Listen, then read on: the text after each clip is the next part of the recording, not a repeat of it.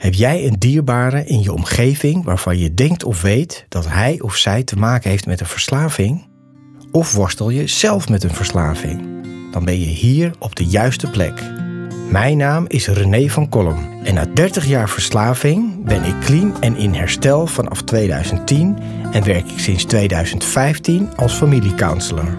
Dit houdt in dat ik de mensen in de directe omgeving van iemand met een verslaving help want als je dicht bij iemand staat die verslaafd is, is het echt belangrijk dat je weet wat je wel en beter niet kan doen. In deze podcast, in samenwerking met Lev Magazine, neem ik je mee in de wereld van verslaving en de verslaafde. En leer ik je met mijn kennis en ervaring hoe jij hiermee om kan gaan, wat herstel is en wat je kan doen om jouw dierbaren te helpen en zelf overeind te blijven.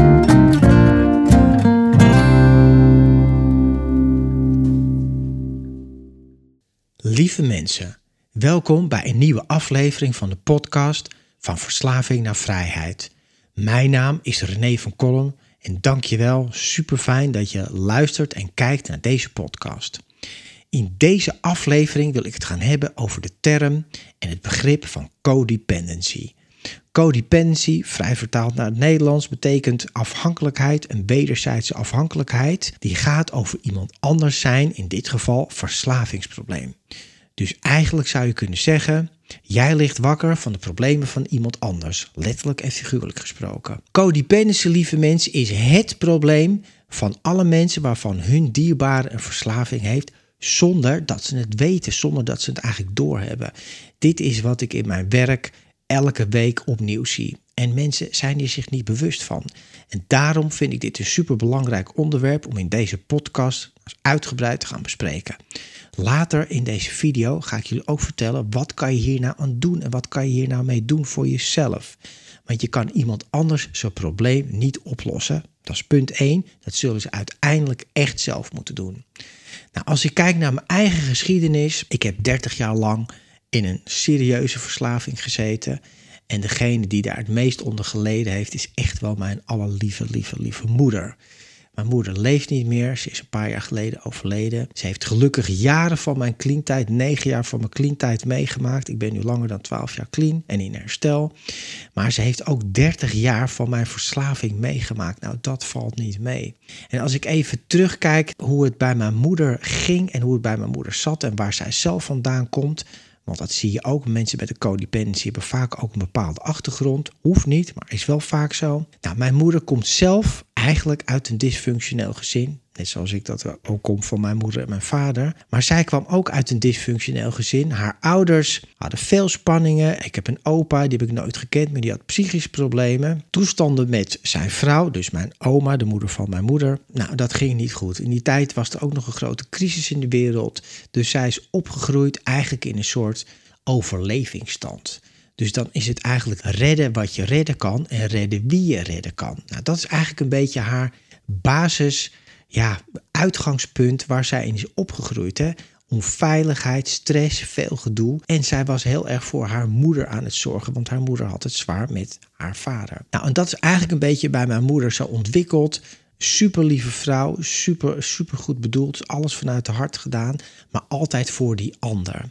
Nou, toen kwam ze mijn vader tegen en dat is ook een piece of work, zullen we maar zeggen. Mijn vader had zijn eigen problemen. Die had ook een hele grote toestand meegemaakt in zijn jeugd.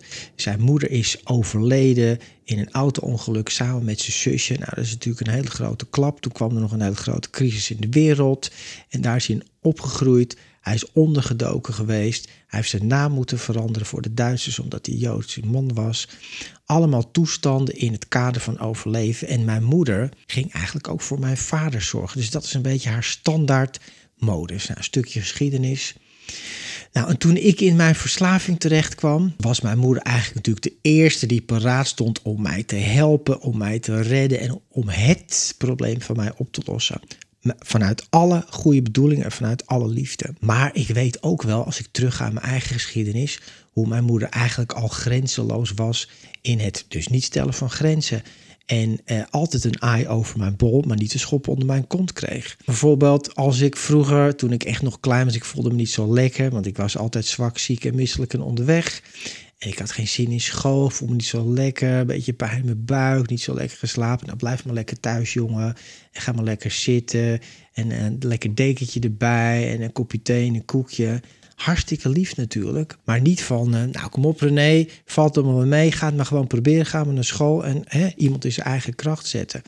Dat was niet wat mijn moeder deed. Mijn moeder verzorgde mij eigenlijk altijd. Wat mij niet sterker heeft doen maken en ook niet heeft doen geloven in mijzelf eigenlijk, en het klinkt een beetje naar, maar heeft dat eigenlijk niet mij in mijn kracht gezet, maar eigenlijk mijn kracht voor een deel weggenomen.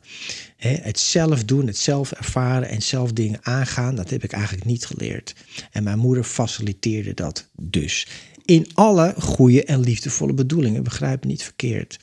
Nou, toen ik natuurlijk eenmaal in mijn verslaving terecht kwam, en zijn we jaren later, was mijn moeder ook de eerste die uh, na de hulpverlening mee ging, overal mee naartoe ging en natuurlijk praten, praten, praten, praten. Dat hebben we jaren zo gedaan. En zij ving mij altijd ook thuis weer op. Hè. Dus er was altijd plaats voor mij. En als het, ik, ik heb in Amsterdam gewoond, ging een tijdje op mezelf wonen. Ik speelde toen in Doe Maar in het begin van mijn verslaving, de eerste jaren. Nou, het was een groot succes, behalve mijn verslaving, dat was niet zo'n groot succes. Maar er was altijd weer zo'n punt dat ik terug naar huis keerde, omdat het niet ging met mij. Nou, mijn moeder altijd de deur open, terwijl ze toen echt wel wist van hij heeft een verslaving. Er spelen natuurlijk ook twee dingen mee. Zij wist ook niet wat een verslaving nou eigenlijk is en hoe je dat moet aanpakken, maar zij stelde ook geen grenzen aan mij. Dus het was altijd kom maar binnen en we gaan ons best doen. En als ik zo'n rondje, zo'n tour had gemaakt, zeg maar, en dan bedoel ik niet in de muziek, maar in, een, in het drugscircuit, hè, eh, drugs gebruiken en doorgaan en doorgaan. En op een gegeven moment kwam ik weer eh, uithuilen en bijdenken bij mijn moeder. Mijn vader was er toen ook nog wel, maar die was weinig in beeld. Altijd aan het werk of ergens anders in het buitenland. Mijn moeder was degene die mij altijd opving. Dus dat was altijd nou, lekker verzorgen. Mijn moeder was een fantastische kok, kookte waanzinnige dingen. Er werd precies in huis gehaald wat ik lekker vond. De dropjes, de koekjes, de chips, de drankjes. Nou ja, noem het maar op. Hoe heerlijk is dat? Maar dat was niet wat ik nodig had, maar het was wel wat zij gaf. Maar ik leunde daar natuurlijk ook wel op, hè, want dat is ook wat er gebeurt bij codependency. Ik wist als geen ander hoe ik mijn moeder eigenlijk kon manipuleren. En dat zie je ook in codependency. Iemand met codependency is gevoelig voor de manipulatie, eigenlijk zeg maar slash de gevoelens, hè, de, de, de benodigdheden van die ander. Dus de behoeften van de ander, die vult de persoon met de codependency maar al te graag in. Want dat geeft ook een lekker gevoel. En dat had mijn moeder natuurlijk ook. Als ze weer voor Renéetje had gezorgd en er was er wat kleur op mijn wang. Ik zag er weer beter uit. En het ging hem al beter. Dan voelde mijn moeder zich ook goed. En dat is ook zoals codependency werkt. Hè? Als jij het probleem van die ander oplost, tijdelijk dan, voel jij je ook goed. Nou, dit ging zo jaren door. En dan vertrok ik weer en ik ging weer mijn eigen weg. En ik kwam weer terug bij mijn moeder. Zij verzorgde me weer, ze lapte me weer op.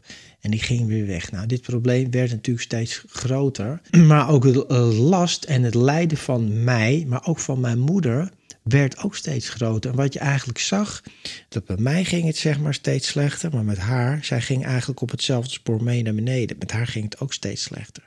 Zij had last van stress, van slecht kunnen slapen, van zorgen maken, piekeren, voor zich uitstaren op een gegeven moment niet goed aanspreekbaar meer zijn. Zich ook afsluiten. Haar manier was eigenlijk afsluiten. Televisie kijken. Op haar manier dan dempen van gevoelens. Niet over praten met andere mensen. Want ja, dat ga je allemaal niet uh, naar buiten brengen. Dat het niet zo goed gaat met je zoon. En de hulp schoot ook wel echt tekort. Hè. We hebben dus echt wel hulp gezocht met momenten. Waar ik trouwens wel wilde, maar voor een deel ook niet wilde. En wat iemand, in dit geval mijn moeder, met haar codependency eigenlijk altijd deed, was nooit echt die grens stellen van. Ja, weet je, het is nou afgelopen. Je gaat nu echt afkicken, echt clean worden, je best doen. Anders komt die deur, die, die, die blijft gewoon dicht. Je komt er niet meer in. Dat deed mijn moeder dus nooit. Ergens wist ik altijd in mijn achterhoofd van als het te heet wordt onder mijn voeten, en heb ik het over de periodes dat ik mijn best deed tussen haakjes om clean te blijven of clean te worden, dan kan ik altijd weer terugvallen op mijn moeder. Zeg maar op de grenzeloze liefde die mijn moeder mij gaf. En dat klinkt natuurlijk geweldig als je iemand grenzeloze liefde geeft, maar niet in het geval als iemand een verslavingsprobleem heeft. Want daar wordt misbruik van gemaakt. Nou, ik weet, lieve mensen, dat op het einde, en zelfs al ver voor het einde, mijn moeder eigenlijk steeds meer haar grenzen verlegde. Geld geven, dat deed ze sowieso al. Mijn huur betalen, als ik de huur niet kon betalen, dan deed ze dat ook al. Benzine, rekeningen, maar ook bellen. Terwijl ik was echt al een volwassen vent. Tenminste, qua leeftijd, niet qua gedrag, maar ook qua leeftijd wel in de 20 of de 30, maar zij belde nog dingen voor mij van een incassobureau of een afspraak bij een dokter of dingen omdat ik er zelf geen zin in had of ik voelde me niet lekker. Nou ja, dus zij losten mijn problemen op en zij nam dus de verantwoordelijkheid van mij, die trok zij naar haar toe. Ja, en dan wordt het ook jouw probleem. En zo gaat dat, lieve mensen. Dit is het probleem wat ik elke week zie bij heel goed bedoelde, vooral ouders, maar ook partners in liefdesrelaties en zelfs ook omgedraaid bij kinderen waarvan hun vader of moeder, of misschien alle twee, verslaafd zijn, dat die kinderen die verantwoordelijkheid gaan dragen voor hun verslaafde ouders. Nou, dit is natuurlijk verschrikkelijk triest, maar dit gebeurt wel. Mijn moeder ging op een gegeven moment zo ver mee. Zij ging naar de apotheek om mijn methadonpillen te halen. Want ik had geen symptomen. Ik voelde me niet lekker ochtends. Nee, natuurlijk voel je niet lekker ochtends. Als je heel veel gebruikt en zwaar verslaafd bent en je zo nog niet binnen hebt. Zij ging dat voor me halen terwijl ik met mijn luie reet op de bank televisie zat te, kijken in, in, in mijn joggingbroek. Ging mijn moeder door uh, weer en wind en regen naar de apotheek om mijn pillen op te halen. Nou, dat is codependency. Want wie hoort zijn eigen pillen op te halen? Ik. Maar nee, dat deed mijn moeder. Nou, dat ging nog een stukje verder. Tot het halen van wiet bij een koffieshop. Voor dezelfde reden. Ik zat, ik voelde me niet lekker. Of ik vroeg, ach mam, weet je, als ik, als ik tegen mijn moeder zei, ach mam, kan jij, uh, weet ik veel, die dropjes halen, dat ijsje. Of op een gegeven moment ook die wiet bij die koffieshop. Die ik dan lekker van, dan deze het gewoon het grenzeloos maar toegeven en meegeven. Want als ik dat dan had, dan was ik weer even rustig, dan was ik lief en ik was niet agressief of heel naar. Maar dan voelde ik me tussen aanhalingstekens mensen beter. Zeer, zeer tijdelijk beter en vooral onder invloed van. En dan was, zeg maar, dan was er weer even rust. En dat is ook wat iemand met codependency doet. door dat probleem eigenlijk op te lossen voor die ander, is er zogenaamd, tussen aanhalingstekens. Er worden veel aanhalingstekens gebruikt in deze podcast. Maar is er weer even rust in de tent? Nou, dit is vast herkenbaar. Ik ben ook enorm benieuwd, lieve mensen, naar jullie ervaring hiermee. Herken je dit? Laat het weten. Zet het in de comments, hè, de opmerkingen onder deze video. Als je dit herkent, deel alsjeblieft je ervaringen, ook voor andere mensen die kijken. Mijn moeder ging mee naar de koffieshop, maar dat werd nog erger. Ik ging natuurlijk vroeger altijd gebruiken in Amsterdam. Dagen weg. Ik was onderweg, ik was stoned, mijn telefoon was uit. Ik maakte al het geld op wat ik kon vinden, kon lenen en krijgen links en rechts. En zij zat thuis eigenlijk heel bibberend en nagelbijtend van waar is die nou en wat is die aan het doen. En ik vind, als ik dat nu weer uitspreek, is dat verschrikkelijk. Want ik denk altijd, ja, ik was lekker, weer tussen aanhalingstekens onderweg.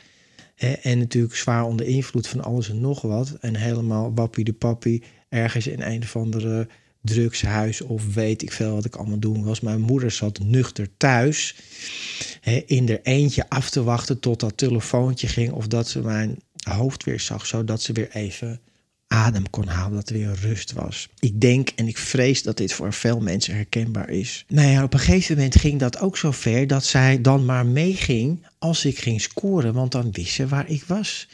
Hè, dat wisten waar ik was. Dus nou, op een gegeven moment, ik heb een periode nog gehad, een klein zijstapje. Mijn gebruik was extreem.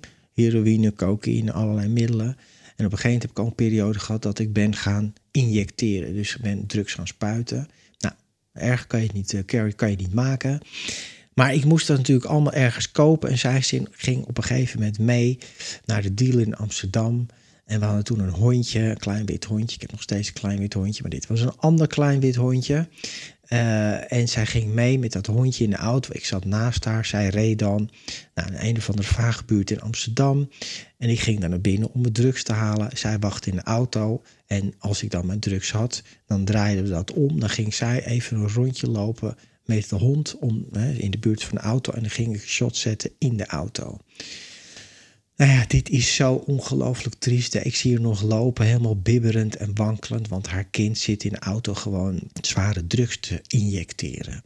Nou, ik, ik kan me, hè, nogmaals, ik kan me eigenlijk toch niet. Ik heb het natuurlijk wel gezien en beleefd, maar vanaf de andere kant. Maar ik kan me toch niet voorstellen hoe verschrikkelijk pijnlijk en moeilijk dit voor haar geweest is. En het gekke was, als ik dan onder invloed was en ze zag dat ik niet meer doopziek was, ik had geen afkikverschijnselen meer, dat er toch een soort rust bij haar was. En dan konden we rustig terug naar huis rijden. En dan was zij ook weer even rustig. En zij had dat liever dan dat ik in mijn eentje een paar dagen in Amsterdam weg was. Want dan wist ze niet, leeft hij nog, is hij er nog, doet hij het nog, nou enzovoort. Komt hij nog terug? Dus zij ging mee naar de dealer toe. Ze ging naar de koffieshop wiet voor me halen regelmatig. Ze betaalde mijn schulden af. Nou, dit soort zaken allemaal. En dit is natuurlijk echt wat codependency is. Hè? Het probleem van die helemaal meegaan in het probleem van die ander. Jezelf kwijtraken, daarin ten koste van jezelf. Met alle problemen die dat mee, hè, meeneemt. Alle verdriet, ellende, zorgen, stress. Geen leven zelf echt goed meer kunnen leiden. Want zoals altijd bezig met mij. En dit gaat natuurlijk nu even over mij. Maar ik weet dat er heel veel mensen zijn die kijken, die dit herkennen. Dus deel dit alsjeblieft. Geef je commentaar. Uh, in, in de comments, in de opmerkingen hieronder. Want ik wil het ook graag voor jullie horen hoe het is. En lieve mensen, even tussendoor ook abonneer je op dit kanaal, want er zijn nog zoveel mensen. ik moet zeggen, het gaat hartstikke goed met het kanaal. We hebben over de 3000 views en er zijn aardig wat abonnees. En op Spotify, waar je kan luisteren, er zijn ook heel veel mensen die dit volgen. Maar er zijn nog veel meer mensen met deze problematiek die het zullen herkennen, die dit kanaal niet gevonden hebben. Dus deel het alsjeblieft met elkaar voor hun. En abonneer je op dit kanaal, want er komt nog veel meer wat ik jullie wil vertellen. En het is belangrijk, want dit is mijn missie en dit is mijn boodschap. En codependency is iets wat gewoon hand in hand gaat als iemand een verslaving heeft. Het gebeurt in liefdesrelaties, het gebeurt in gezinsrelaties. Ik zie het ook bij ouders, maar ook soms bij broertjes of zusjes van. En omgedraaid ook met kinderen van ouders die een verslaving hebben. Het aanpassen aan die anderen het afstemmen, hè, vaak ook op, eieren lopen. Uh, wat kan ik wel zeggen, wat kan ik niet zeggen, wat moet ik doen om hem of haar tevreden te houden, zodat de sfeer rustig blijft en het niet gaat exploderen of we te veel in een negativiteit of een depressie komen. Dus heel erg wat heeft die ander nodig in plaats van wat heb ik nodig. Hè? Dat is ook codependency. Dingen blijven doen en blijven geven, terwijl die ander jou vaak toch als zeg ik maar even onderbiedig, als tron behandeld. Of in ieder geval niet respectvol. Dat zijn tekenen van codependency. iemand zielig blijven vinden. Ja, maar hij kan er ook niks aan doen. Hij heeft een moeilijke jeugd gehad. Het overcompenseren, vaak ook van ouders. Van ja, maar een scheiding. Ik was er toen niet. Ik heb te veel gewerkt. Dus moet ik dat nu goed maken. Weer tussen aanhalingstekens in de vorm van dingen toegeven die eigenlijk helemaal niet goed zijn. En het blijven redden, regelen, fixen, oplossen, terwijl er niks verandert. Dat zijn allemaal tekenen van codependency. Lieve mensen, ik zou jullie willen vragen om daarmee te stoppen. En wat is nou de oplossing voor dit probleem? Natuurlijk altijd makkelijker gezegd dan in de werkelijkheid uit te voeren omdat jij zoveel houdt van jouw kind, jouw man, jouw vrouw, je partner of je broer of je zus, je vriend, wie het ook is. Dat maakt het heel lastig. Maar het wordt toch gevraagd om grenzen te stellen. Nou, en wat zijn nou tips die hierbij kunnen helpen? Nou, tip 1 is eigenlijk het stukje loslaten. En dan bedoel ik niet dat je diegene loslaat of nooit meer ziet of wat dan ook. Maar met loslaten bedoel ik de verantwoording loslaten. Dus die verantwoording laten waar die hoort. Als iemand een verslaving heeft, is dat zijn verantwoordelijkheid om daar wat aan te gaan doen. Niet jouw verantwoordelijkheid om te zorgen dat hij maar in leven blijft met boodschappen en bellen en regelen en geld en eindeloze gesprekken voeren. Nee, hij of zij moet aan de bak. Dus je over het bol, prima. En dan een schop onder de kont van wat ga je hier aan doen? Niet eindeloos blijven faciliteren en doorgaan. Dus die verantwoordelijkheid bij de ander gaan laten. Tip 2 is focus je niet altijd op die ander, maar focus je nou eens op jezelf. Wat vind je hier nou eigenlijk zelf van? Wat heb jij nodig vandaag om hè, dus goed voor jezelf zorgen? Waar voel jij je goed bij? Hè? In plaats van wat heeft die ander nodig? Want wat er gebeurt, lieve mensen, is dat iemand met een verslaving bepaalt de spelregels. En daar gaat het mis. Dat moet je gaan omdraaien. Nee, jij gaat de spelregels bepalen van dit wil ik wel doen, dat wil ik niet doen. En ik ga er eerst over nadenken als er een vraag komt. Een hele goede tip. Want er komen vragen, er komen situaties en ga je bij jezelf na en te raden van, wil ik dit wel? Is dit goed voor mij? En punt drie, heel belangrijk, help ik hier wel echt mee? Is dit een tijdelijke pleister op de wonden of lost dit echt iets op? Nou, vaak als het een tijdelijke pleister is, we hebben weer even rust of er is weer even een probleem opgelost, doe het dan niet, want je bent het in stand aan het houden.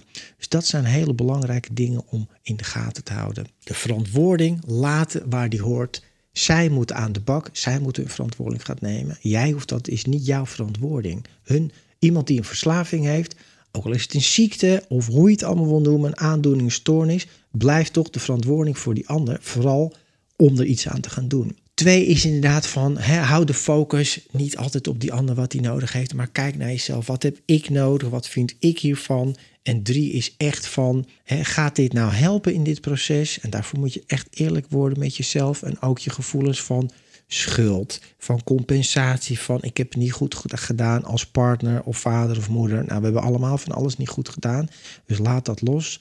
Kijk gewoon eerlijk en droog, gaat dit helpen, die ander, of gaat het die ander niet helpen? Dat zijn superbelangrijke dingen. Als toevoeging wil ik ook nog zeggen, en het is een hele belangrijke toevoeging, dus blijf hier ook nog even aan luisteren. Waarom zit ik hier, lieve mensen?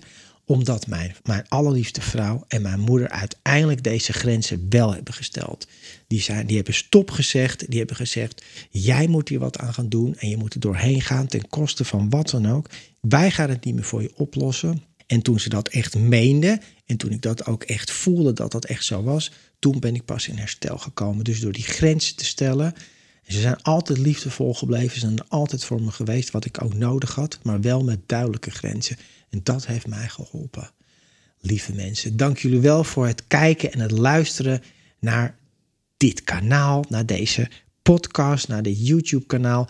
Of, de, of als je luistert op Spotify, abonneer je alsjeblieft en deel dit met andere mensen die dit nog allemaal niet gehoord en gezien hebben.